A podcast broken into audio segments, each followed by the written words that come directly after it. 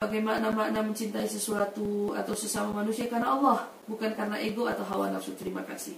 Salah satu cinta yang menandakan cinta kita karena Allah atau karena Rasulullah kepada makhluk adalah kalau cinta itu membawa kita tambah dekat kepada Allah dan kepada Rasul. Contoh, kita mencintai seseorang, entah itu kepada suami ataupun kepada siapa pun, guru termasuk salah satunya kalau kita mencintai guru itu, kita semakin dekat kepada Allah, maka berarti cintamu untuk Allah dan Rasulullah.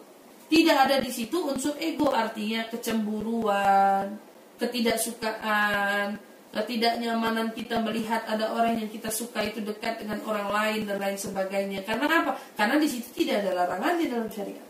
Yang ada larangannya kecemburuan itu untuk siapa? Contoh seorang suami cemburu pada istrinya Kecemburuan itu datangnya seperti apa? Ia melihat istrinya bisa berbicara manis-manis kepada lawan jenis yang bukan mahramnya. Suami wajib cemburu di sini. Itu kan wajib cemburu. Cemburunya di sini itu karena Allah.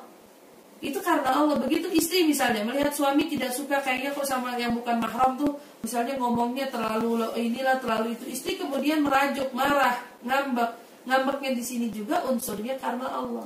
Begitupun cintanya kita pada saat kita mencintai orang karena Allah, lihat yang mendorong kita dekat kepada Allah. Karena kenal dia kita jadi sholat, karena kenal dia kita jadi ibadah, karena kenal dia cinta karena Allah. Yang membuat dari cinta itu kita dekat kepada Allah, itu benar.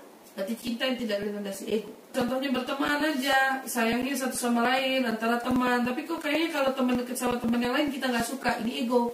Nah ini yang nggak baik. Ini yang harus kita buang dari diri kita. Jika kita melihat ada teman kita karena dia kita benar, bentuk karena Allahnya itu adalah kalau saya bisa benar, bisa jadi orang-orang lain itu pun yang dekat dengan dia bisa jadi benar.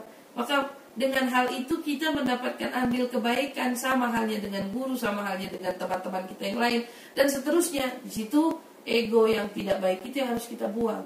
Nah, egonya ini maksudnya kecemburuan itu ada kepada yang dianjurkan, suami istri itu dianjurkan Selebihnya tidak. Jadi kalau ditanya mana yang mengantarkan kita cinta kepada makhluk yang membuat kita dekat kepada Allah yang disebut karena Allah adalah yang dengan mencintainya itu bertambah pula kecintaanmu kepada Allah dan Rasulnya.